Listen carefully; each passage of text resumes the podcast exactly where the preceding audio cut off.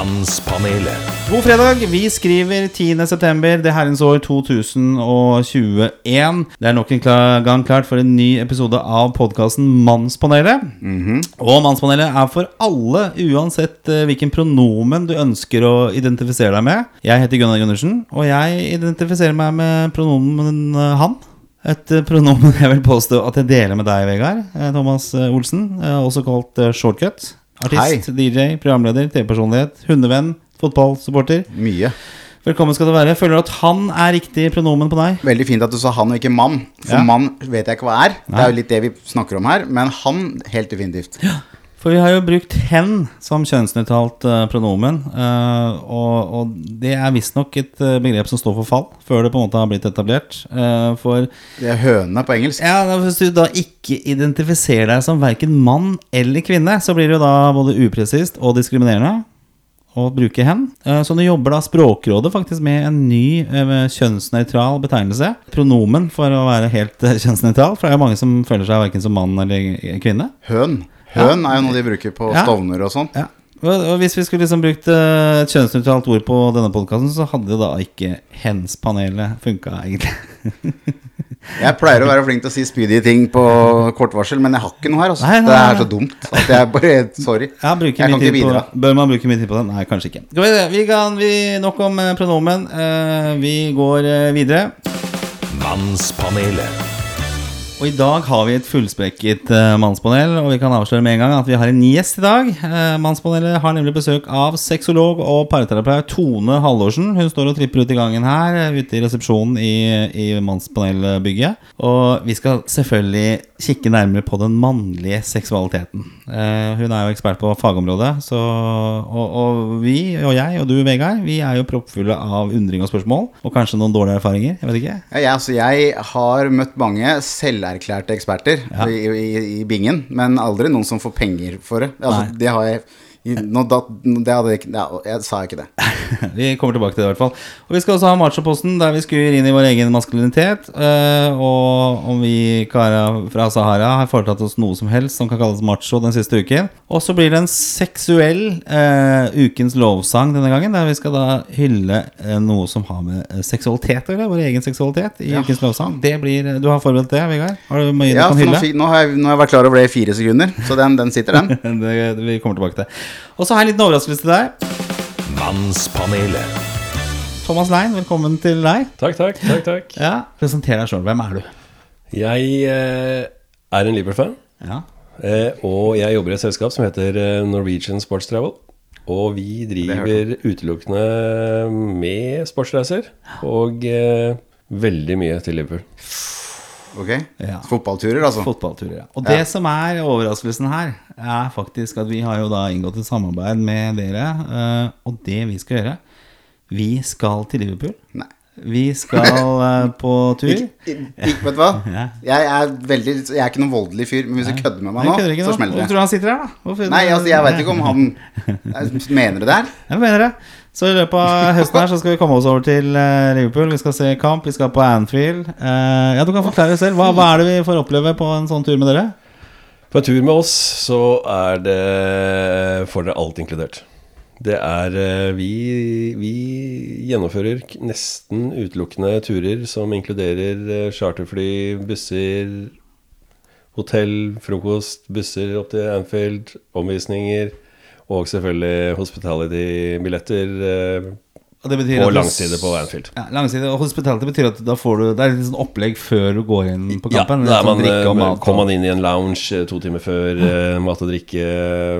Det er gode seter. Det er inn i loungen etter kampen igjen og i pausen. Det kommer alltid innom en eh, tidligere Liverpool-spiller og holder et lite foredrag og lar seg ta bilde med og sånne ting. For de som er For det her er interessert ikke tull, altså. Nei, jeg ikke. jeg, må ikke, jeg vet at vi er på lufta, sånn, men, eh, vi skal over. Vi skal se men jeg, jeg har aldri vært jeg, har aldri, jeg, jeg er 47 år gammel og har vært Liverpool-fan i Hvor mye blir det? Over 30? Jeg har to i matte, men det er sånn rundt regna, da. Jeg har aldri vært på Anfield. Da er Det på skal du nå, det skal Da- Det er på tide. Og nå er det jo, altså Verden er i ferd med å normalisere seg igjen, så vi, vi kan reise over. Uh, dere Ja, det altså, er jo- er- hva- nei. hva- Ja, jo, jo. Hva er det som skjer med altså, hva, Hvordan praktisk fungerer dette her? Sånn, vi skal reise over. eh, Du, er, må, du må være fullvaksinert, eller hvordan er det? Per dags dato så er Norge et grønt land eh, i henhold til eh, Storbritannias eh, lister. Ja. Så det er heller ingen krav om å være fullvaksinert for å komme inn i Storbritannia. Eh, det man trenger, er eh, en eh, negativ test som ikke er eldre enn eh, 72 timer. Og man må fylle inn et innreiseskjema og, booke og betale en, for en test som skal gjennomføres i Liverpool. Det med testene og sånne type ting, det er et problem veldig mange ser for seg kanskje kan være litt vanskelig, men det har vi løst. At vi tester gratis på Gardermoen tre timer før avreise. Får svar før vi sjekker inn.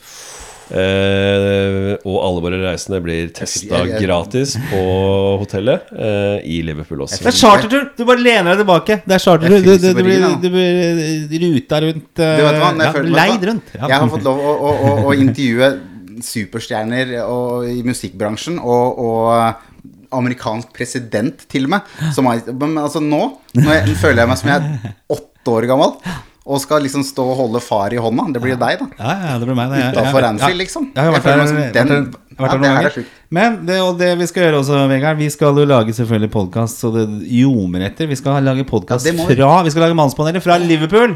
Verdens største mancave. ja, verdens største mancave. Det her blir bra. Ja, og vi skal også selvfølgelig Og det er jo mye folk på, på turene deres, så vi skal selvfølgelig få tilgang til hvem som er der. Skal vi, skal vi grave litt i Uh, Er det noen stereotyper vi finner på disse, disse turene? Er det, er det bare menn for eksempel, som drar på tur til England? Eller er det, er det par? Eller er det rett og slett jentegjenger for den saks skyld som, som reiser på For du er jo, unnskyld uttrykket, altså, Ja. du er du, du, Nei. Men du har. Star Wars-ringetone, og det, det er macho. Litt incel, men Ja, ja. Og så du, du lever ut ideen om en sånn Blommen Holden-fyr veldig fint, da. Og så tenker jeg, du har jo overlevd, for jeg vet du skryter mye av at du har vært på Anfield flere ganger. Så det kan ikke være så beinhardt som man liksom selger er det. Men jeg, kan, jeg bare, kan jeg bare ta det her en gang til? Ja. Fordi at det er to år siden jeg har vært på Gardermoen. Jeg, har, jeg bodde jo på Gardermoen i helgene før, når jeg var ute og reiste og hadde show. Så jeg er litt sånn uvant med hele den reisinga. Og nå skal jeg ut og reise for første gang på, på da, over to år. Eh, men det du sier til meg, er at dette her blir i hovedsak sånn som det alltid har vært. Bare sleng på en test, men som dere fikser. Og er noe problem, da. største fordel, forskjellen eh, du vil oppleve når du kommer på Gardermoen, det er det at eh, it's back to the 80s. Det er ikke disse maskinene, små maskinene du går og sjekker inn lenger. Nå er det rett bort til skranken med gode gamle metoden med vise passet og, og få en papirbillett igjen. Det er Mallorca og sånn svær gettoblaster og Banana Airlines, litt småbrisen, på vei ned til Spania. Ja, det er fantastisk. Ja, det, det, er, det er litt sånn, og så er det i tillegg så, så stilles det liksom to-tre eh, kontrollspørsmål i skranken, eh, skranken der. De, du viser fram eh, koronapasset ditt, og så Det er det. Flyselskapet sender da ned til Storbritannia en, en eh, Hva skal jeg si En beskjed om hvem som eh, er på flyet vårt, og at alle er sjekket. Så når du kommer ned til Storbritannia da, eh, så, så er det bare en vanlig passkø. Eh, fordelen med å reise med oss er at vi lander på John Lennon Airport. Yes, slipper, slipper ManU. Slipper å dra til Manchester. Som Den vonde lukta i Manchester. hører, det, er, deilig å møte folk som, er, som engasjerer seg så mye over Ja, for jeg en flyplass. jeg alltid måtte lande i, i Manchester og liksom vært litt kvalm over det. Og kanskje bidra til økonomien til Manchester kommune også. Men nå kan vi reise rett til John Lennon er, er ikke det bare sånn 40 minutter Det er sånn Ja, det er ikke langt unna hverandre, da. Men det er, en, det er to forskjellige verdener. Og Liverpool, for en fantastisk by ja, det har blitt. Sist gang jeg var i. Liverpool Eller første gang jeg var i Liverpool, sånn i 2003-ish, tror jeg det var da. Det må ha vært det. Så var det jo litt sånn stusslig by, syns jeg. Men nå har jo den bare vokst, og det er shopping, og det er bare Altså, det, det er så kult. Og Anfield, og det er liksom Det er bare helt rått. Eh, dere er å finne på Facebook-siden. Eh, der finner man alle turene. Dere har en hjemmeside også. eh, og det er masse kule matcher nå utover eh, høsten eh, som det er fortsatt billetter til. det er Så det. det er bare å gønne på. Vi skal legge ut alt det vi har eh, her. Og så i en, kamp i nær framtid så er Mannspanelet live fra, fra Ikke live, da, men vi er, der- vi er der. Jeg er er litt, jeg er litt treig. Altså, det her er ikke tull. Det har jeg skjønt nå. Og så forteller du meg at det er stort sett bare som det alltid har vært, egentlig. Bortsett fra disse testene og sånn som dere fikser.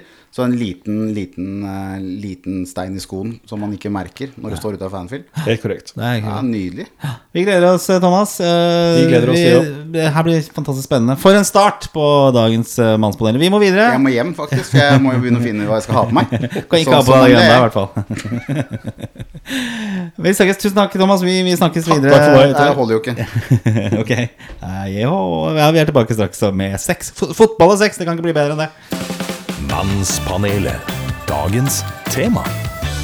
Vi er en forholdsvis fattig podkast, vi har ikke så gode mikrofoner. Uh, ja, da er vi tilbake her sånn. Uh, det blei jo mye sterke inntrykk nettopp, uh, Vegard, med, med Liverpool-tur. Og, og klar for det. Eh, og nå skal vi over til et annet eh, favorittema for oss. Eh, vi eh, Siden jeg er single begge to, Vegard, så er det vel kanskje mer fotball vi har kontakt med enn enn sex. Eh, I hvert fall snakke for min egen del. At, eh, jeg, jeg ser mer fotballkamper i løpet av en uke enn jeg har sex. i hvert fall Det, det må sies. Nå må det legge seg at du ser mye fotball, da. Så det blir ikke liksom Det er jo ikke eremitt. Neida, ikke sant? Men nå har vi fått neste gjest i studio. Det er eh, sexolog og parterapeut eh, Tone Halvorsen. Velkommen eh, til eh, vårt studio. Tusen takk.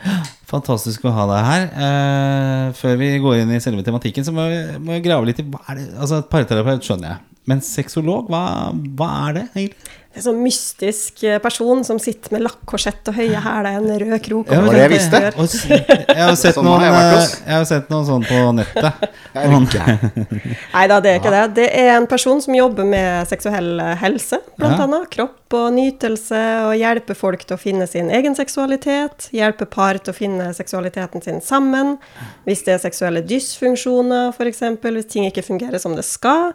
Eller hvis man bare prøver å finne ut av legninga si, eller hvem man er som person, så går man gjerne til en sexolog. Så vi har sånn hva skal si, allmennkunnskap om den seksuelle viten og historie og litt sånn. Ja. Så det er men Kort versjon av en par- sexolog. Ja, også Parterapi og sex er vel ofte Det kan være mye klaging, kanskje. Altså, er det mange skilsmisser som er på grunn av Eller samlivskrise pga. sex og Oh, yes. usynkronitet der? Ja, så derfor så alle som jobber som sexolog, burde også være parterapeut, og alle parterapeuter burde også være sexolog, fordi at det henger så mye sammen. Og vi snakker jo overraskende lite om sex, faktisk. For vi snakker mest om følelser og dynamikken i forholdet, og de som er single, så snakker vi gjerne om selvverd og hvordan man eh, skal approache folk, og hva man skal gjøre og ikke skal gjøre på datingmarkedet og sånn. Så mest følelser, egentlig. Lite sex. Vi, eh, jeg og Vegard, Mannspanelet, vi er jo en, eh, en podkast hvor vi nå er en reise eh, inn i mannen i oss selv. eh, og, og ut også, og søken etter andre typer menn. Og er det en stereotyp? Er det, hvordan, hvordan er det, står det til med mannen der ute? Vi har vel liksom anerkjent at vi, vi er i ferd med å bli mindre og mindre av det vi ser på som menn. Da. At vi, har, vi var inne på dette, at vi har en sånn liten sånn liten, bitte liten sånn stemme inni oss som fortsatt liksom roper etter å være mann, men den blir bare mindre og mindre, for vi skal være så jævla myke, og, og vi skal være så mye alt. Uh, i, og, og det er det her vi driver og holder på med, da. Altså, hvor, hvor, hvor, er vi? Og sex og menn uh, Vi er jo ekstremt opptatt av, av sex. Uh, men, men er vi menn så opptatt av sex som vi skal ha det til sjøl, egentlig? Overhodet ikke. Altså, menn har jo myte på seg for å tenke sex 24-7. Jeg, gjør ikke det. Altså. Skulle dere ha gjort det, så hadde dere ikke gjort noen uh, ting produktivt. Nei. Ever. Det er sånn morsomt uh... Jeg svarte ikke på det. 24-7 er, er jo en overdrivelse, det skjønner jeg. Men, men, men det er jo Jeg tror vel det at menn kanskje legger seksuelle uh, betydninger og referanser inn i ting som, Ja. som ofte kan, kan være litt sånn det er ikke, Man må ikke det, men, men, det, men det er liksom latent Jeg føler at det er veldig sånn Veldig nærliggende å tenke eh, sex i, eh, i, i situasjoner som ikke har noe med sex å gjøre. Nei. Nei. Men det er jo en biologisk grunn til at menn gjør det kanskje i større grad enn kvinner.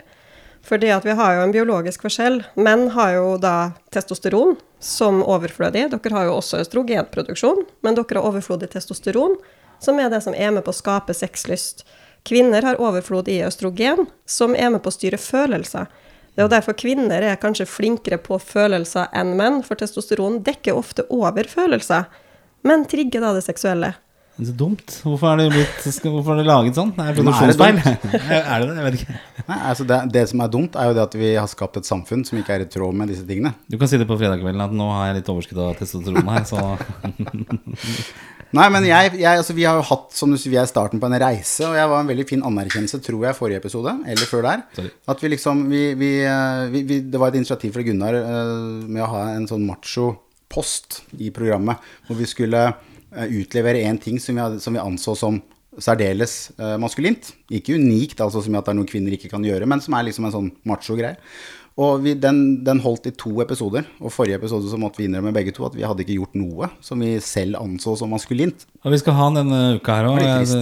Det, det, blir ikke så mye å skryte av denne uka her heller. Nei, vi trenger ikke å ha den posten egentlig for min del. For det har ikke skjedd noe nytt siden forrige uke. Vi prøver. vi prøver Kanskje Tone har noe mer maskulint å komme til bordet med enn det vi har. Vi, skal, vi kommer til etter hvert. Men eh, skal vi begynne med, med mannen her og mannlig seksualitet? Okay, det, det er greit å merke seg at vi er ikke så opptatt av sex som vi skal ha det til. Men eh, hvis du går liksom inn på parterapikontoret og, og sånn altså, Kan man si nå at, at menn oftere gjør feil? Noen seksuelle feil i, i forholdet? Jeg tenker det er liksom mer krevende Altså sure hvis vi ikke får sex, f.eks. Altså, er, er vi der? Er vi, kan vi si noe sånn typisk?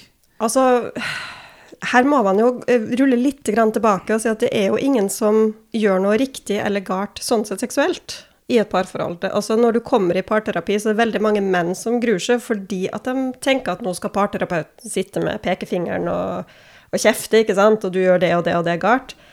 Men det er ikke det vi har fokus på i parterapi. Vi har fokus på hvorfor har den ene mer sexlyst enn den andre.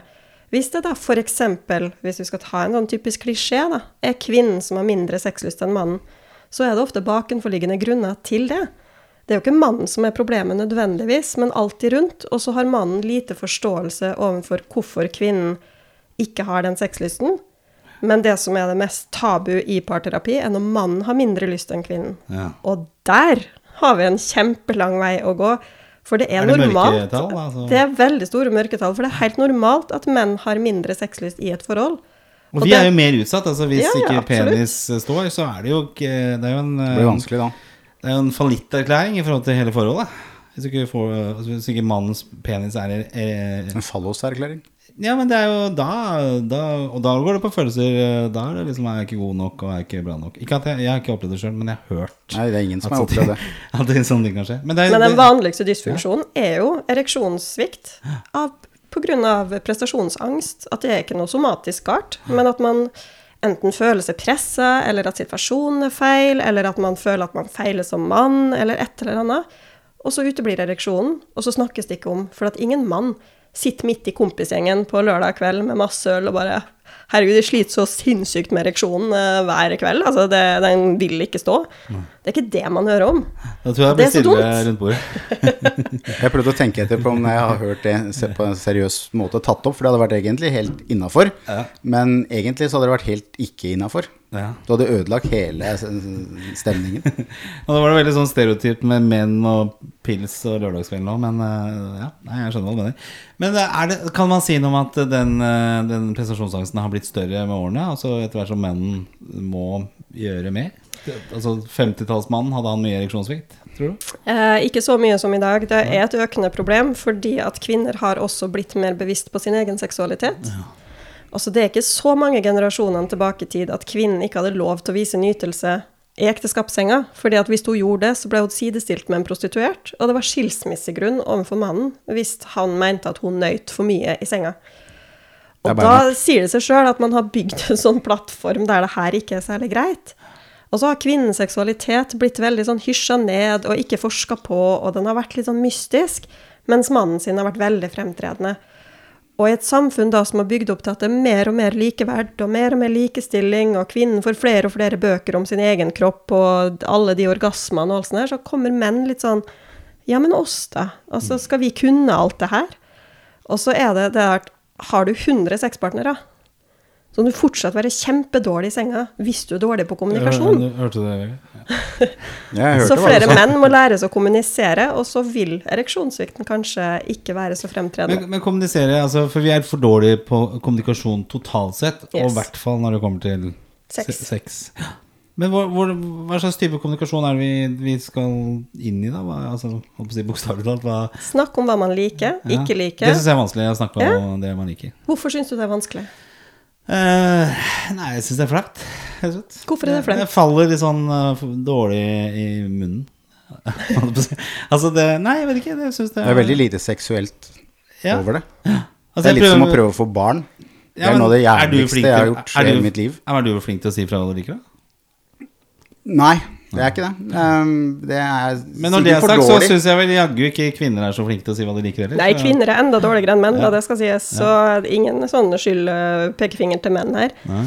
Men menn er generelt dårlige til å ta kritikk, eller hvis, Nei, ta tilbakemelding. uh, og det er vanskeligere for mange menn å si at du skulle ønske at vi hadde mer oralsex, eller kanskje, kanskje jeg har lyst til å prøve en finger i rumpa, eller skulle vi kjøpe noe leketøy som vi felles kan bruke og sånn. Det er veldig dårlig med menn som kommer eh, og sier sånne ting. Ja. Så hvis flere menn hadde turt å si, vet du hva, jeg kunne ha tenkt meg å prøve prostatavibrator, eksempel, så tror jeg mange kjærester hadde blitt veldig glad og tenkt at, åh, yes, han kommer med forslag, han har lyst til å prøve noe nytt. Ja, for det, det kunne vært veldig vanskelig å foreslå. Selv om jeg, jeg tror på den prostata og at det er et G-punkt. Men jeg, jeg har ikke, det har jeg overhodet ikke utforska spesielt mye sjøl, da. Men er vi ikke, Har- Vegard, har du blir ikke det her veldig sånn generelt, egentlig? For det kan man jo si i de fleste sammenhenger, at menn er mye dårligere på kommunikasjon generelt. da.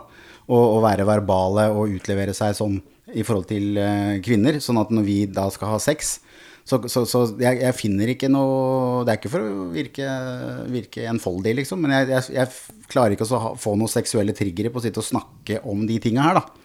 Men det kan man sitte på date, for eksempel, og snakke om. Man må ikke nødvendigvis snakke om det når man har fått av seg alle klærne, og midt i kampens hete, så skal man plutselig settes opp og si, du, når jeg slikker det, hva vil du helst at jeg skal gjøre? Men det kan man si eksempel istedenfor å sitte og se Netflix, så kan man eh, sitte og spørre hverandre litt. Du, hva liker du best ved oralsex? Eller hva liker du best når jeg, hvor liker du best at de stryker det hen? Liker du klining, eller liker du kyss på halsen, eller hva? Fortell meg litt hva du vil i senga. Ja, det tror jeg er lurt. Det, og det er jo riktig, for det, akkurat der og da når du liksom ligger der med klærne av og sånn, så da er jo ikke det tidspunktet.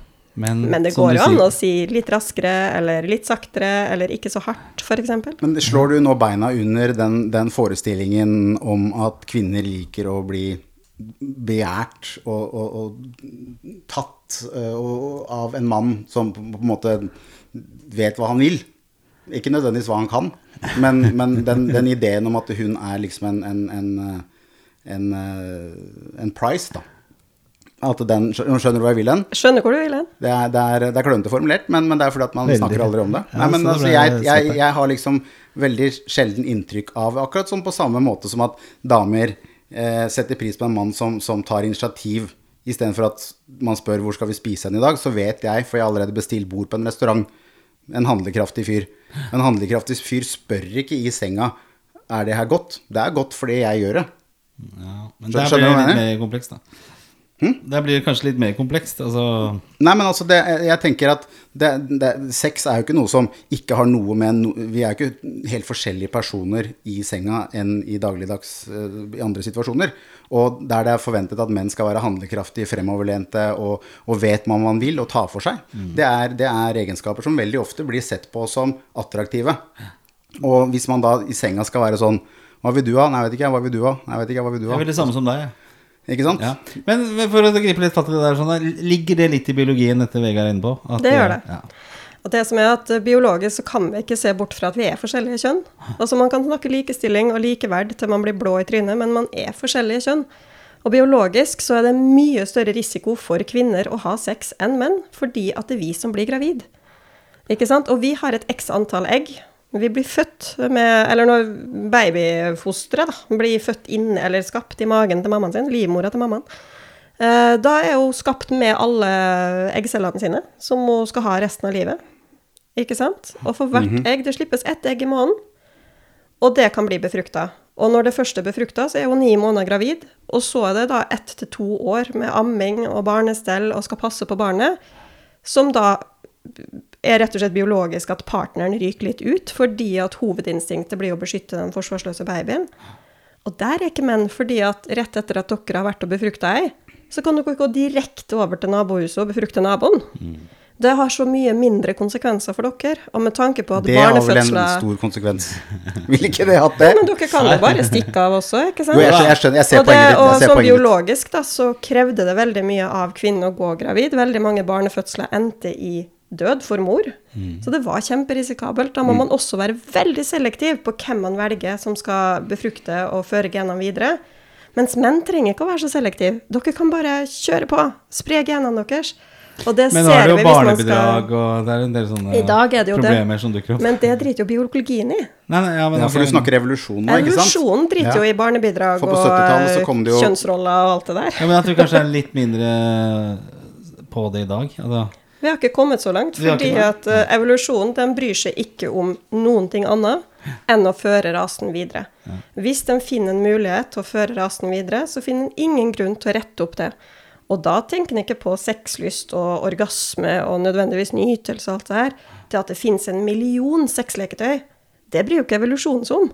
Nei. Men sier du da samtidig at på 70-tallet, når, når prevensjonen kom, ikke sant, p-piller, og så nå har man jo alle mulige varianter, til og med angrepiller hvis man har glemt de, de andre alternativene, så, så, så vil man jo tenke seg at det, det gjør noe med eh, eh, seksualmønsteret til kvinner, da. For da kan du jo dra med deg en fyr på dass på puben og kjøre på uten å tenke noe over det. Og hvis man så vakkert. Nei, men altså, hei, vi har jo vært på byen før, har du ikke det? Og da er det Dass liksom på puben. Ja, men ja, bar, da. Du er på, vi er på Blommenholm. Jeg beklager. Men altså, greiene er med den spontaniteten. Eh, altså, du, man kan styre konsekvensene i en helt annen grad enn før. Eh, men du, du har ikke noe særlig tro på at eh, alle disse mulighetene vil være med på å evolusjon, altså endre evolusjonen i retning av at kvinner blir mer som menn? Det Jo, at det eh, ser vi jo nå, at vi begynner jo å komme litt mer der. Kvinner har mye større fri seksualitet nå i dag enn de noensinne har hatt. De tar for seg som de vil. ikke sant? Du ser kvinner på byen som jakter på menn, og som har one night stands. og Det har jo blitt mer og mer av at kvinner tar det de vil ha seksuelt. Og det ser vi også stresser menn veldig mye. For hvis kvinner blir som menn, hva stiller menn opp med da? Og da går det på det jagerinstinktet som du snakka om i sted, at mannen skal bare ta for seg. og der, og så har kvinnen kommet inn og tatt litt den rollen. Så hvor står menn da? Det er veldig rart. Fordi at følte jeg ble enda tommere akkurat nå, jeg, når jeg hører det. Men det, er veldig, det er veldig rart, det er veldig rart fordi at det, vi har vokst opp med, liksom, med, med, med pornografi, hvor liksom Utopia er en kvinne som har lyst hele tida. Som er med på alt og er liksom i godt humør etterpå, og uansett hva som har skjedd.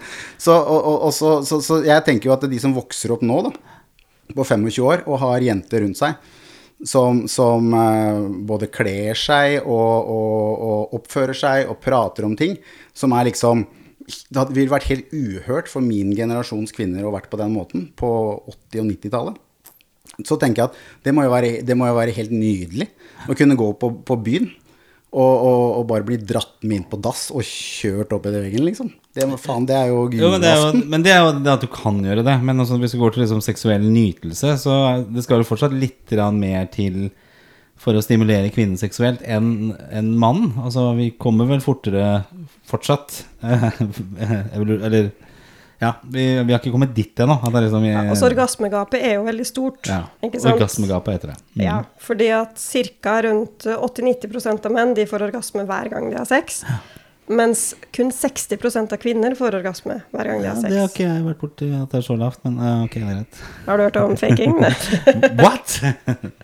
Nei, det, men det viser jo det at mannen han har jo et nytelsesorgan som er påvift. Dere har jo glansen, som er deres største nervesenter, og når det går da ut og inn, så blir det stimulert. Mens kvinnen har klitoris, som eh, biologien da har plassert på utsida. Og det er jo fordi at vi skal overleve barnefødsler. Hadde vi hatt klitoris innvendig, så hadde vi jo uh, godt, skulle jeg si. Det hadde jo ikke funka. Ja, hva hadde skjedd da? Det blir jo for mye nerver Ja, i spill, Okay. så vi har jo kun f.eks. 2000 nerveender i skjeden, da. Ja. den er ikke så følsom. Men så er klitoris et ganske stort organ, så det går jo innover i kroppen, og du kan stimulere klitoris fra innsida Mm. av f.eks. skjeden, da. Som G-punktet og A-punktet og C-punktet og alle de der. C-punktet, jeg visste det også. Herregud. Er det har lenge siden du har vært på byen, eller? Hæ? Er det lenge siden du har vært på byen, eller? Har du hørt om C-punktet? Nei, tar jeg sammen, da. Du har ikke hørt om C-punktet? Nei, jeg har ikke det. Det er ikke det. Det er cervix-punktet. Det er opp med livmortappen. Ja, så langt inn er ikke du. Det er noe genetisk der, vet du. Ja, Men nei, ikke sant, vi har alle de punktene å stimulere, men det går ikke bare med den inn- og utbevegelsen. De fleste kvinner trenger klitorisstimuli, og det er det mange som ikke tør å si til mannen, eller mannen ikke har hørt det noen plasser før, så de kan ikke vite det. Men hvordan er det mulig å ikke vite det, det nå, da? Altså, er det fortsatt menn som ikke vet det? Liksom? Dårlig Altså, seksualundervisning. Snakker ikke om klitoris i seksualundervisninga på den vanlige norske skolen. nei. Det er noen skoler som er flinke, og så har du de som uh, overhodet ikke snakker om Nei, for, det for mitt vedkommende så ble jo det en slags sånn åpenbaring, når man på et eller annet tidspunkt skjønte at man kunne uh, få til noe der. Eh, for før det så var det bare inn og ut og håpe på det beste, men, eh, men, men igjen, da, da er jo også presset blitt eh, større. Altså, man vet Man har på en måte Men med Man du, vet, vet hvor det er, men man vet jo ikke helt hva man skal gjøre med det alltid heller. Nei. Og det er det som er feilen hos veldig mange, både kvinner og menn. Det er at hvis man har tilfredsstilt en partner, og hvis dere hadde eksen da, som var veldig fornøyd, ikke sant, superbra sex, dere visste alt dere skulle gjøre, kjempebra tilbakemeldinger, det er ingenting verdt når dere kommer til en ny partner, for da starter dere helt på null igjen. Altså dere starter helt på scratch fordi at det er like individuelt som penisstørrelse og penisnytelse og prostatastimuli, hvor godt man liker det, ikke sant? Kvinnens klitoris den varierer i størrelse, følelsesgrad, hvor langt inn den går, hvor følsom man er i skjeden, ikke sant? Er man følsom i livmortappen, ikke sant? Hvor, hva er det man liker? Noen liker små peniser, noen liker store. Så dere begynner helt på null med ny partner. Og det er det mange som ikke tenker på. For de var jo dritflinke på forrige partner. Ja. Men du, bare for å flette sammen et par av de tingene vi har vært innom her nå. Mm. eh, fordi, at, eh, fordi at eh, Ja da, det stilles mer krav til menn nå, eh, og det syns jeg jo er fint. Men, men tilbake igjen til det jeg sa, da, med sånn som jeg eh, betrakter generasjonen som vokser opp nå. Hvor det må være julaften hver eneste gang du går på byen, da, som mann. Fordi du har jenter som er så seksuelt frigjort at de liksom Vi snakker om hippiene, men det, det, var jo, det, de var jo Det var en pinsemenighet i forhold til disse damene som er på byen nå. Og da tenker jeg eh, Tydeligvis så skjønte jeg litt på svaret ditt at det er ikke sånn at menn syns at det er hallelujastemning fordi at alle damene er sånn. Har du mye av det hos deg? Det er mye prestasjonsangst nå pga. kravstore kvinnfolk? Veldig. Veldig mange menn lider under akkurat det der, for de har mista rollen som jeger. De har nesten blitt litt, fått sånn bytterolle istedenfor, og det er fryktelig vanskelig å forholde seg til. Du kan se for deg på savannen da, hvis gnuene plutselig hadde begynt å springe etter løvene. Så hadde det blitt litt sånn Åh, hva skjer? Men nå er det vel ikke alle som blir løpt etter heller, jeg tror. Altså, blir, da blir enda færre av oss da, som blir stående på savannen der, urørte, eh, på en måte. Men det er jo et problem at- at det er mange flere single menn enn single kvinner. Ja, så man kan være selektiv. Absolutt. Ikke sant? Du, Vegard, har sikkert opplevd andre ting. At du står der og er liksom kjendis og kul og sånne ting. Så du har vært attraktiv på savannen. Men hvis vi andre, da, når kvinner blir enda mer eh, kresne Du har jo incel, de som er veldig sånn bitre på, på kvinner nå fordi de ikke får seg noe.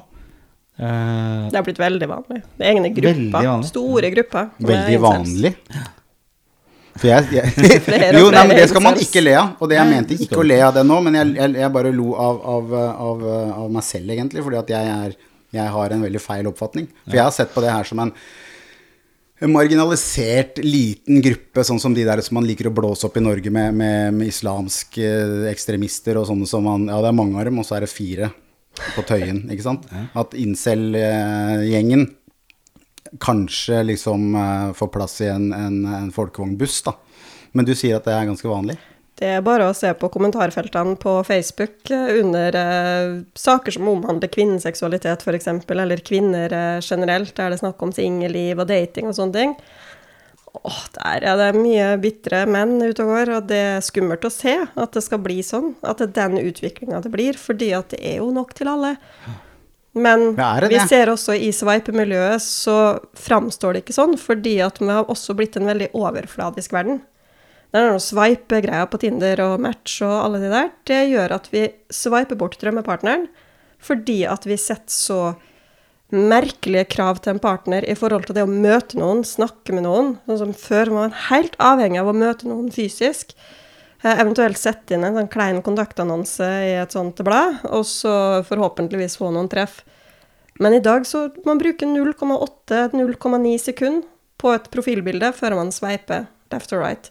Mm. Uten å ha sett profilen, uten å ha snakka med personen, uten å vite hvem det her er. Mm. Og det er mange som sveiper bort fordi de er noen centimeter for lave, eller kanskje feil hårfarge, likte kanskje ikke skjegget, ikke sant? Ja, jeg ser at det, er sånn høydekrav og sånn. Eh, Ja, høydekrav er bare ikke, dritt. ikke under 1,80 og sånn. Det er spesielt. Men, men, men, men, men, men eh, jeg hører hva du sier for noe. Men jeg tenker jo at det er jo ikke en menneskerett å ha sex, er det det? Nei, det er ikke en menneskerett å ha sex, men det er et menneskelig behov. Men det er noe annet. Det blir sånn som Ja. to løver. Og der, for å dra tilbake til Serengeti, der dere var i stad med gnuer og sånn. Det er den som løper raskest og er sterkest, som får den gnuen. Han andre, han må bli vegetarianer eller bli raskere. Sånn er det jo. Og sånn er, jeg tenker at i, i markedet nå, for, så har det kanskje blitt mer synlig på, de, på sosiale medier og sånne apper, da. Og, og falle utenfor, for man kan være veldig sånn derre um, sånn kjapt selektiv. Men det har, det har jo alltid vært sånn at det er noen mekanismer som eh, Du sier vi er jegere, og vi er jo det. Eh, men da Dere står jo eh, gjerne fritt til å velge blant disse jegerne.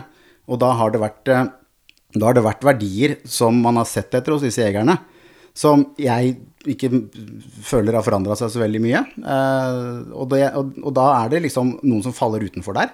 Det er jo, det er jo ikke alle eh, som, som, som har disse sosiale valutaene. Og de detter jo ut uansett, da.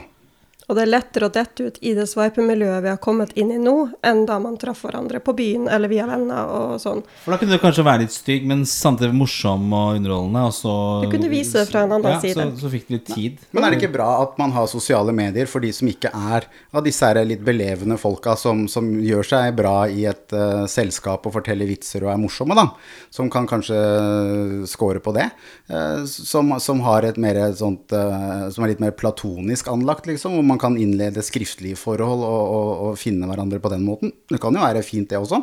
Istedenfor at man står og henger i baren som et sånt, på et sånt kjøttmarked, da, som det gjerne er på et sånt uh, diskotek. Altså Jeg vil absolutt anbefale Clubhouse, for Clubhouse har vokst veldig stort på kort tid. For der kan man snakke sammen uten at man trenger å skulle ha video og bilde og sånne ting. Der har man et profilbilde en profiltekst.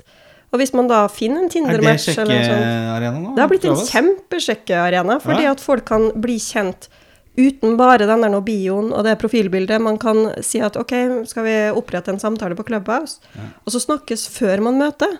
Så nå under korona, når det ikke har vært lov for single å holde på med fuck friends og one night stands og treffes og hit og dit, så har Clubhouse blitt en kjempesjekkarena, fordi at der kan man snakke sammen. Man får et helt annet inntrykk av en person med stemme enn med bare å lese i bio og tekst frem og tilbake. Altså Bare snakke, ikke, ikke noe video, nei. For det, det, Nei, bare, nei. det stemmer, det. Ok, Så du får ikke sendt noe dickpics sånn uh, Nei, gudskjelov. Det må dere slutte med. Hva er det med menn og dickpics? Nei, jeg har aldri sendt dickpics. Har du sendt dickpics? Mm, ja. Du har det? Du har det? ja, jeg har det. Med samtykke eller uten samtykke? Nei, ikke uten samtykke. Det er det veldig mange menn som gjør. Hva tenkte du da når du sto der og tok bilde av Nei, altså jeg tar bilde av trynet Jeg har tatt bilde av trynet mitt mange ganger òg. Hva er forskjellen på det, liksom? Jeg har ikke noe spesielt Hvem som er penis, Da er vi allikevel innenfor en sånn Når man snakker om samtykke, så er det en person som man har en seksuell relasjon til. Og da ser ikke jeg noe gærent i at det F.eks. hvis man har et, eh, et forhold hvor det er mye reising. Hvor man er mye fra Reisning hverandre. reisning. ja. Eller at man bor i forskjellige byer. Det er, altså Verden er ganske annerledes enn den var før. Hvor det kan være fint å, å, å ha, eh, stimulere hverandre eller pirre hverandre på muntlig, om det er telefonsex eller om det er visuelt i et sånt uskyldig bilde. Jeg, jeg syns sånn derre Jeg skjønner at sånn dickpics er jævlig klønete og blir brukt som en sånn sisteinstansargument for å, få, for å få seg noe. Men, men jeg tenker alt det der støyet som blir lagd rundt sånne nakenbilder og alt, det har jeg ikke, klarer ikke. Det er en helt annen diskusjon. Men jeg klarer Det er en helt annen diskusjon, men den er ganske stor, det, fordi at mange menn starter med å sende dickpic Ja, til fremmede jo- kvinner. Ja, men da er jo Men får du det som jo sexolog? Er det Er det noen som Alt for mange. misforstår det? Ja. Jeg har sikkert fått Forrige uke fikk jeg sikkert 40 stykk av forskjellige Bare det? Ok. Ja, ja. Men hør nå, det her er klønete. Vi er enige om at det er Jeg hadde influensa, så jeg var kanskje ikke så sexy. Det er klønete. Ja. Det er vi enige om, ikke sant? Og så er det jo litt det vi snakker om også her, eh, har gjort før, eh, Gunnar. At vi er litt klønete. Vi famler litt i forhold til å finne hva, hva, hva, er, hva er mannlig å gjøre. Hva er maskulint? Altså vi, vi, vi, vi svømmer rundt i et kar som vi ikke vet hvor dypt det er, og hvor langt det er til land. Og vi har liksom et, et sånt derre et evig problem eh, etter å finne fast grunn, da. Mm. Etter, etter hva Hva er jeg, liksom? Jeg skjønner at jeg er mann for at jeg har en penis, men det Men vi er vel dårlige på lytte, da, kanskje? ikke sant? Altså, Hvor Jo, mange ganger blir fortalt at vi ikke skal sende dickpics? Jeg tror det er mange der ute som fortsetter fortsetter, fortsetter og tror det bare er greit. Men som ikke hører etter at uh, Vet du hva, det, der er, det kan du ikke holde på med. Jo, men det er en naturlig seleksjon. Altså, jeg, får tror, jeg tror menn er tror fryktelig dårlige på å hylle seg sjøl, og jeg tror mange menn undervurderer den mannlige rasen. For dere er så innmari smart, og dere, er, dere har så innmari mye verdier. da. Dere er så verdifulle for samfunnet og alt det her, men så har kvinner veldig Vi har jo levd under patriarket altfor lenge, og det har skapt en del sinte kvinner, og at kvinnen skal opp og frem. Men vi må ikke glemme mannen. At dere skal ha den oppmerksomheten dere har, og at dere har en stor verdi. Men dere må tørre å steppe ut av den der machomannen, og menn er de som er leger og har de tøffe yrkene, og du-du-du. Nå er det like mange kvinnelige leger som uh, mannlige. Altså, det er veldig få som reagerer hvis de kommer inn, og så er legen uh, kvinne. Ikke sant? De færreste vil si at vet du hva, du må ut, for du er feil kjønn. Ikke sant? Så dit har vi kommet veldig langt. Men menn må tørre å ta plass på den følsomme skalaen. Tørre å snakke om følelser. Og så hvis kvinner reagerer på at 'å, han er så følsom, jeg skulle ønske han var litt mer macho', da er det kvinnens problem. For dere har lov å vise følelser, og dere har lov til å være en del av det der nå følelsesspekteret, da. Og det er jo derfor mange menn sliter med mental helse, fordi at de får ikke plass til å ha mentale problemer, fordi at dere skal jo greie alt. Dere skal være de tøffe, sterke Så det er egentlig vi som har pålagt oss selv den Ja. der rollen at vi skal fikse alt. Den, er har jeg egentlig ikke tenkt på. Jo, men har ikke damer hatt et sånn der hore-madonna eh, Det har vi ennå. Ja, dere har det ennå, ikke sant? Dere skal, ja, dere skal være alt, alt, ja, da. Men nå begynte vi liksom å klage her at menn skal være så jævla mye hele tiden. At vi, vi Jo, det, det sånn det settes så mye krav til oss, da. Som menn. Ja. Men det- er det men det egentlig det, du det er sier, er jo det at det gjør vi jo faen meg sjøl. Ja, det er ingen som har så høye krav eh, som kvinner, det skal sies. Men der òg. Kvinner er kvinners største fiende, og det samme er det med menn. Menn er sin egen største fiende, for dere tillater ikke hverandre å være følsom og at dere skal være macho. Jeg har, eh, jeg har en stor kompisgjeng, og de er både politi og lege og masse sånne machoyrker. Og når jeg sitter og hører de sitter og snakker med hverandre, så tenker jeg ikke rart menn har mentale problemer. Hvis man hele tida skal sitte og tøffe seg og være den kuleste og sånn, og så sitter de alene med masse kvinner, og så er de plutselig en sånn følelseskladd som har masse tanker og meninger. Hvor er de tankene og meningene når dere sitter flere menn? Så dere skader dere sjøl ved å skulle pålegge dere den tøffe rollen. Så nå får dere en sånn pekefinger fra sexologene. Ja, det er kjempespennende. Ja, Jeg- jeg- jeg, jeg tar den. Men jeg føler samtidig også, da, at, at ja da, vi skal ut på Vi, vi, vi må utfordre oss selv og, og, og delta mer på den, den, den, den, den litt mykere arenaen, da. I forhold til å, å utlevere oss selv. Men så, så tenker jeg også at da må kvinner være med på, eh, på, på, på, på å sette de spillereglene med forståelse av at vi er mye dårligere på det. Absolutt. Fordi jeg har ikke nødvendigvis alltid behov Sånn som du snakker om at Hvorfor snakker vi ikke om det når vi er sammen?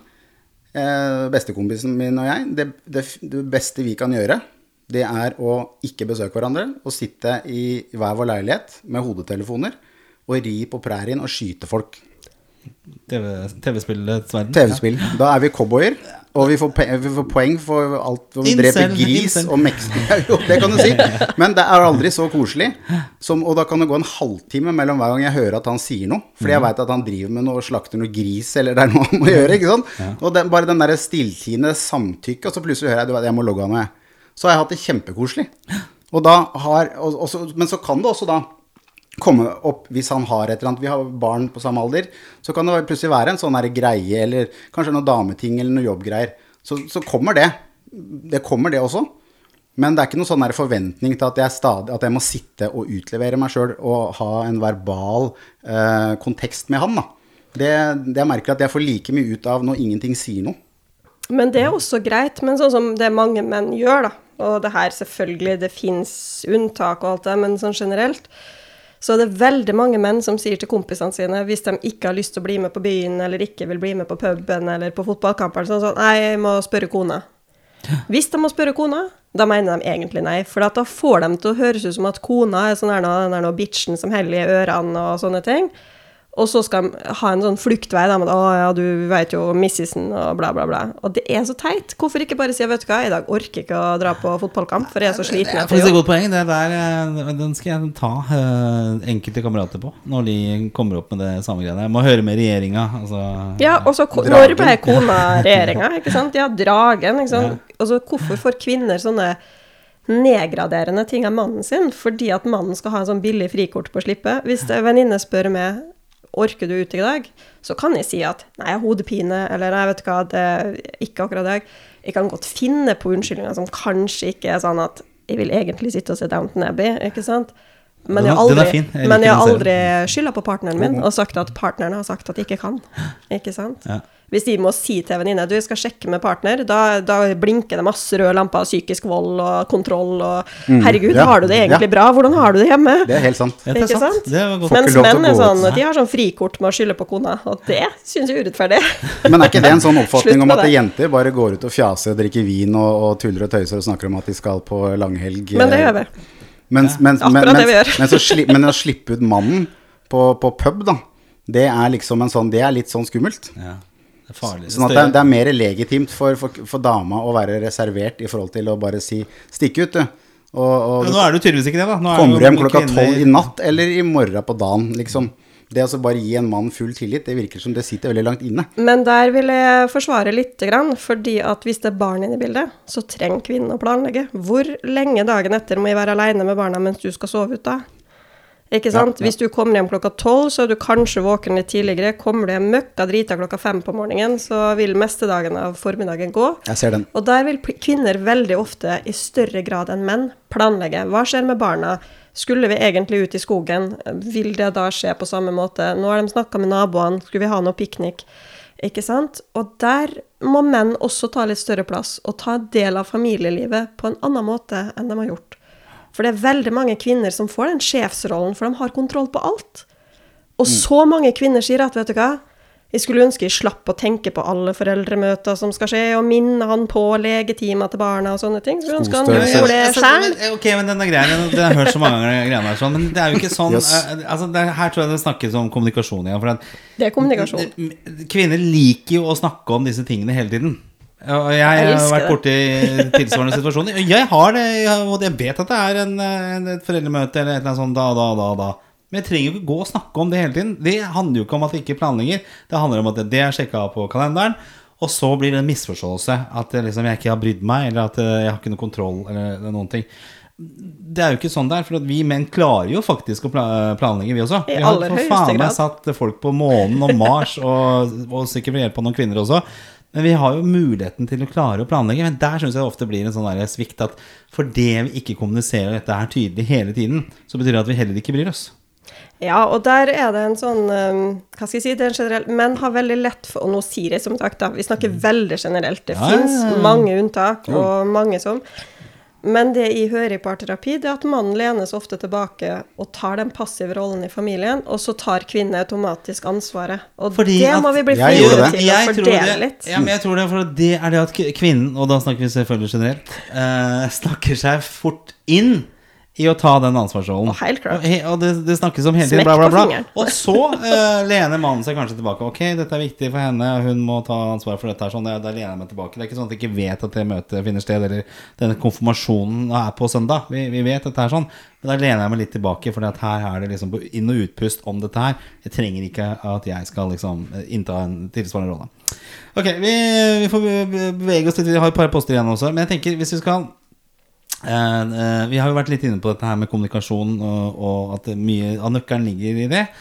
Eh, men hvis du kan liksom gi mannen igjen generelt eh, noen gode råd, da, sånn avslutningsvis, eh, innenfor eh, seksualitet og samliv hva, eh, Hvilke bevingede ord skal du sende meg og Vegard ut med eh, i dag?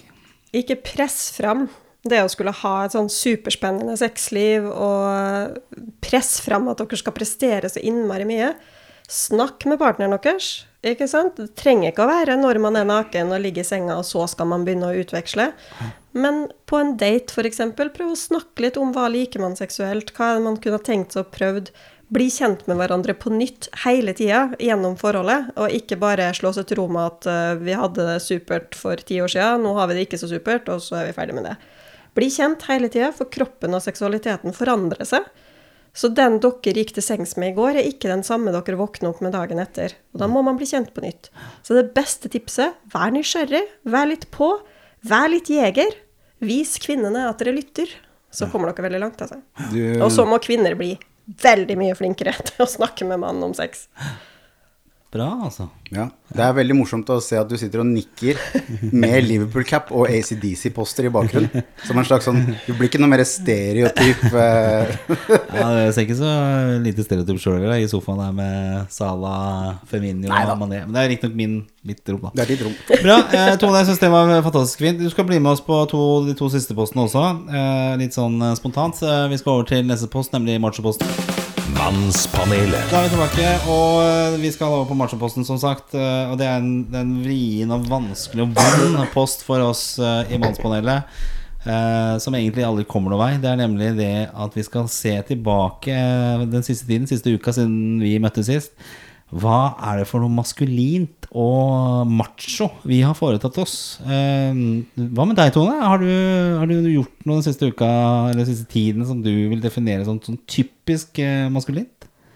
Eh, tja, hva er Da må man jo spørre seg hva er, fem, hva er feminint, og hva er Det maskulint? er, det er et vanskelig spørsmål. Altså, jeg har akkurat flytta, da, så jeg har jo holdt på med masse løfting og herring. Og så har jeg hatt manflu hele uka. Det syns jeg er ganske macho. Ligger og synes dritsynd på meg sjøl med Ja, det er fælt, altså. Nei, hva hva har jeg gjort? Nei, jeg har uh, flytta, rett og slett. Så jeg føler meg litt macho når jeg holder på med verktøy og banking og hamring og Ikea, Ikea og diverse. Det er det mest macho jeg har gjort denne uka her. Bra. Så Nei, ja, det syns jeg er bra. Det er bedre enn hva jeg har gjort, i hvert fall. Vegard, du kan eh, svare nå. Ja, det var fint du kasta den til meg. Jeg satt og tenkte på hva jeg har gjort. Jeg sitter desperat i blikket her, tror jeg. Nei, altså litt som i eh, foregående uke, så må jeg vel eh, krype til, eh, til korset og, og si det at jeg, jeg finner ikke en, en, en greie, en, en enkeltstående situasjon eller en, en handling som jeg har gjort, som jeg kan si at er maskulin. Altså, vi har jo blitt enige om at vi ikke skal dra det. Det er maskulint å skifte bleier, og det er maskulint å ta ansvar og alt det pisset der, liksom. Som, da er alle maskuline, da.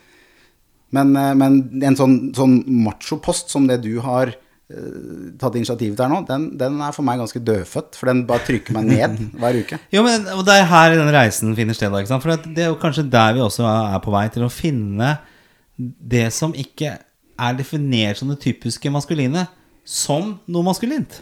Og hvorfor detter vi alltid ned på snømåking Ja, men og skifter skifte dekk jo, og men- sånn? men det- men det sier- Løfte ting og flytte på esler kan gjøre det. Ja. dere er sterke, da. Ja, men det, sier, takk det sier jo litt om hvor eh, sneversynte vi sjøl er. Da, for da har vi jo malt oss selv borti et hjørne.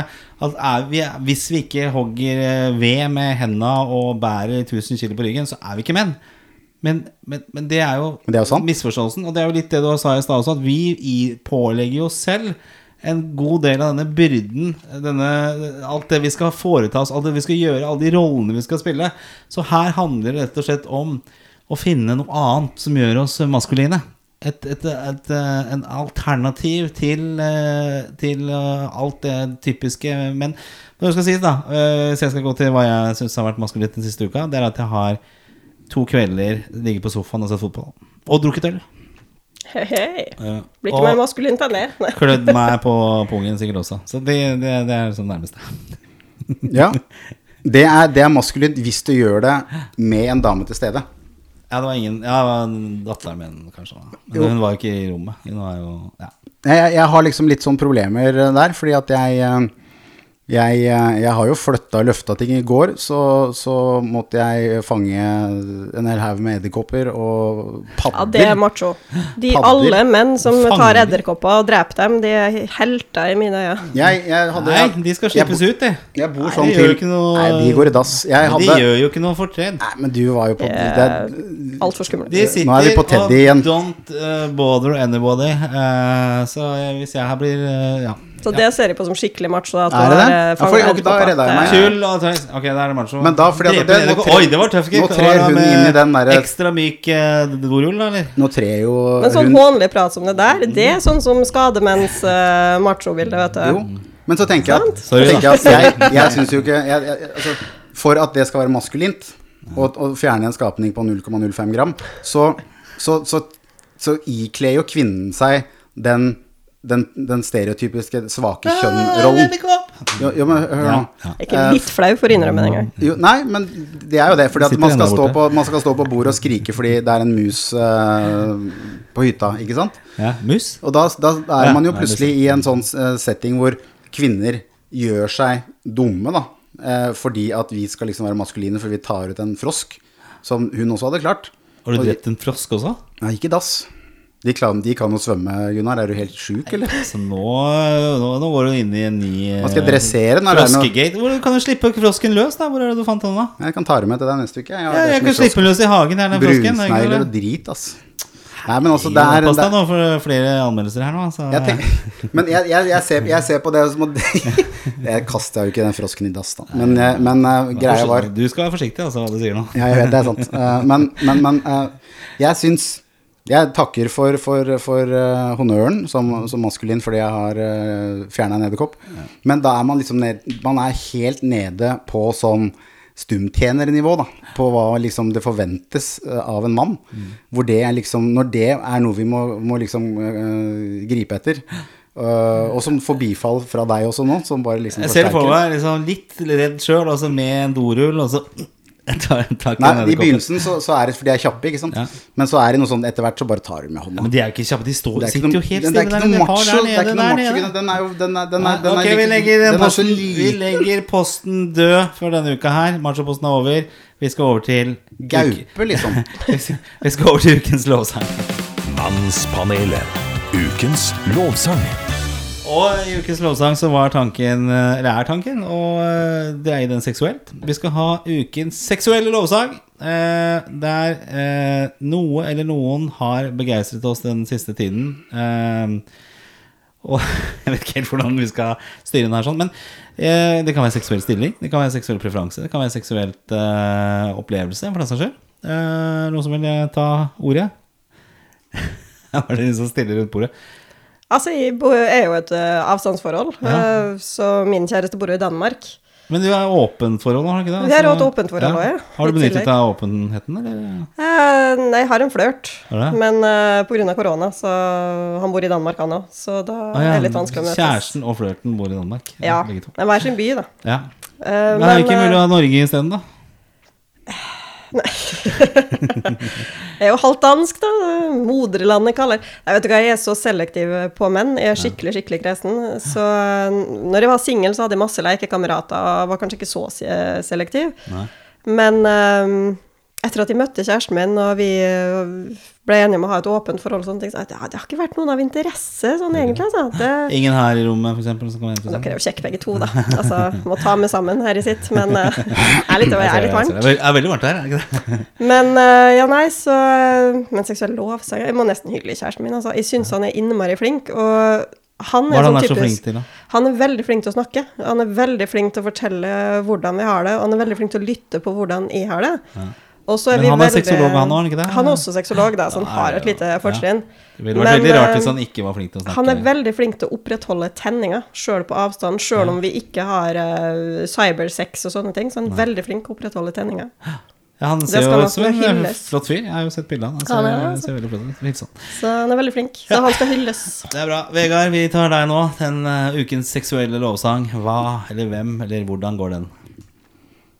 Um, kanskje med litt hjelp av, eh, av eh, Høyrehånda? det, det, er, det, er, det detter ned med en gang, merker du det? Det At man, når man, gutter skal liksom snakke om sånne ting, så blir det flåsete med en gang. Det er, det er, og vi snakker om at jenter fniser, liksom. Kom til poenget. Seksuell Ja, det er ikke noe poeng, skjønner du. Men, men jeg setter så innmari stor pris på, og det er sikkert noe med alder å gjøre, men kanskje litt med litt hjelp av korona, hvor det har blitt mindre sex enn normalt. Jeg har reist mindre rundt på jobb, møtt mindre mennesker. Jeg har vært, eh, som de aller fleste, i mindre situasjoner hvor man liksom kanskje ender opp med da å, å ha sex med noen. da. Eh, men også fordi at jeg tror jeg begynner å bli gammel. Hvor liksom man kan nyte samværet med en kvinne uten at det må være fysisk seksuelt. Da.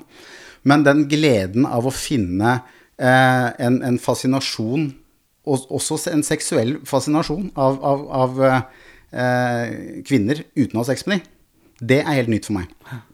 Og det, det Og da har du kommet langt, hvis du har kommet dit. Ja, Fantastisk Han har ikke kommet så langt. Altså, det her er bare Jo. Ro deg ned, da. Det er sånn Jeg skal ta bilde av deg med den Liverpool-capen og ACDC-greien. Er Og så har du PlayStation bak der. Dette er sjukehus, Ja, altså. men da har du komprimert alt inn på ett rom, ikke Nei, men hør, hør, hør nå, hør nå. Jeg har faktisk eh, opplevd det.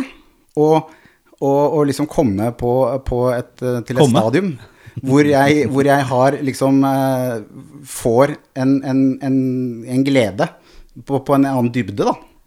Men som også er seksuelt, fordi at det gjelder, det gjelder, eh, det gjelder å snakke da, en, en jente, liksom. Som ikke, hvor det ikke bare er liksom kjøtt og flesk, da. Det hvor det er disse andre tingene. Det må jeg kan, og det er mulig jeg er en late bloomer, for jeg er 47 nå.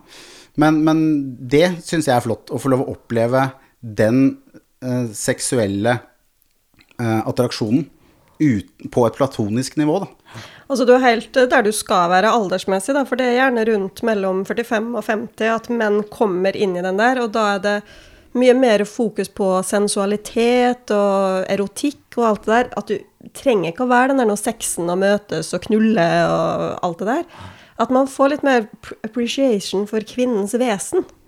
Og at man kan eh, finne litt mer sånn erotikk i det med kropp og klær og bare det med nærvær. Ha mer nærvær og intimitet. Sånn som jeg sa sist gang her, nå vet jeg ikke om du hørte forrige episoden vår, men da, vi hadde en lovsang da også, da hadde jeg en lovsang bare til, jeg tror det var kvinnen, jeg. Jeg satt på Sandvika stasjon her og ventet på Gunnar. Og så, og så bare tok jeg meg i det hvor, hvor oppstemt og, og, og i, i positivt humør jeg ble bare av å sitte og, eh, og betrakte kvinner, da. I alle aldre og fasonger og alt mulig rart, men, men, eh, men bare i kraft av liksom å være det andre kjønnet. Og se alle disse fascinerende små jeg jeg vet ikke helt hvordan jeg skal liksom sette ord på det uten at jeg ødelegger det fine jeg har inni hodet. Men, men det har ikke jeg vært med på før. Nei. Det, er, det begynner å bli moden, uh, Vegard. Det er kjempefint. Eh, bra. Er du ferdig? Er det det? Ja. Ja. ja. Okay, jeg er ferdig. du, det her var kanskje den vakreste lovsangen du har hatt noensinne.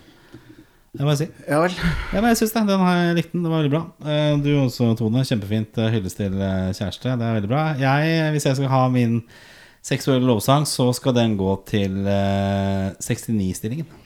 Generelt. Der var vi der inne, ja. Ja, men jeg tenker kan veie opp litt, men den er jo veldig fin. Det er, eh, og hvis du liksom får, en, får et godt samspill i den eh, stillingen, så er det en fantastisk opplevelse for, eh, for begge parter. Du kan både nyte og, og, og bli tilfredsstilt på samme tid. Eh, og, hvis du har deg en god hodepute og liksom finner en god stilling der, sånn, så er det fantastisk flott. Så min uke, en uke Ikke at jeg har hatt det eh, på en stund, men, eh, men det blir en eh, lovsang til 69-stillingen for meg vedkommende. Det er helt innafor. Var det greit? Hvordan er den eh, liksom, eh, hos sexologen? da? Er det noe du setter pris på? Det er ikke favorittstillinga mi, men jeg vet mange som eh, setter pris på den. Men Er den liksom langt ned på lista? Eller er det, Ja, den er ganske langt ned på lista. Kanskje lista. dårlige opplevelser rundt det? det? Nei, overhodet ikke. Men uh, sex for min del, det trenger ikke å være så innmari spennende og tull og fjas og hit og dit. Altså, jeg set, Det jeg verdsetter best under sex, det er øyekontakt med partneren. Ja, det får du ikke. Det får du ikke i 69 Nemlig. Derfor kommer er den veldig langt ned på håper ikke lista. det. Du Altså. får jo et øye, da, men det er noe annet. eh, Ja. Så altså, øyekontakt er viktigst for meg under sex, og da spiller det ikke rolle om man får orgasme og ikke. Og, og jeg og partneren min, vi har ikke noe fokus på orgasme. Altså, vi kan gjerne ha sex fem ganger for dag og ikke ha orgasme en eneste gang, og ha amazing sex. Så for sexologen så havner den ganske langt ned, men det er mange som liker den. Og det for, kan godt forstå det, altså. Ja da. Det, det var det jeg tenkte, Og så tenkte jeg kunne dra det i litt annen retning, siden dere var så dype og fine da. ikke sant? Vi er alltid med på å dra det litt opp, vet du. Tone Halvorsen, sexolog, parterapeut. eh, For en fantastisk glede det har vært å ha besøk av deg her i dag. Absolutt. Eh, Vi vil gjerne ha flere, flere besøk, merker jeg. Og dette er jo et utømmelig tema. eh, vi har vel også denne gangen sikkert bare skrapt litt i overflaten på, på, på alt. Men det har, vært en fin, fin runde. Jeg har lært litt. Særlig det der med at vi setter litt for mye krav til oss sjøl, vi menn. At vi, vi surrer oss inn i, i trøbbel. Eh, at vi må kanskje gå litt i oss sjøl. At vi ikke blir sånn incel-typer som er bitter på kvinnen. At den har liksom skylda i alt. eh, Men at vi må ta litt ansvar sjøl. Og det er i seg selv kanskje mandig og macho. Eh, Vegard, fått en helt eh, ny innsikt eh, i deg også. Jeg har ikke snakka om bikkjer på to timer. Mer edderkopper og frosker, riktignok, men eh, det får vi se bort fra. Eh, og vi har jo hatt eh, besøk av Thomas Lein i dag også, som har eh, sagt at vi skal til Liverpool. Og så vi skal lage Det er helt sjukt. vi skal lage podkast fra Liverpool og, og treffe masse kule mennesker og se fotballkamp, ikke minst. Så dette har vært en stor opplevelse for oss. Vi må vel begge gå og legge oss nå, tenker jeg, veldig snart. For det har vært så mye sterke inntrykk eh, for oss, eh, oss to her sånn. Eh, tusen takk. Ha en god uke videre, Vegard og Tone. Og Takk selv. ta godt vare på hverandre der ute. Hvis dere vil noe med, med oss, så, så går dere på Facebook og finner eh, Mannspanelet der, eller på Instagram. Eller mpanelet at, eh, at gmail.com også, hvis du mailer. Og selvfølgelig abonner på oss i podkastspilleren din. Takk på forhånd. Takk for forhånd. Hei Takk for at jeg fikk komme. Bare hyggelig for at du fikk komme. Fikk du komme? wow. oh. Ok, ha det. Mannspanelet.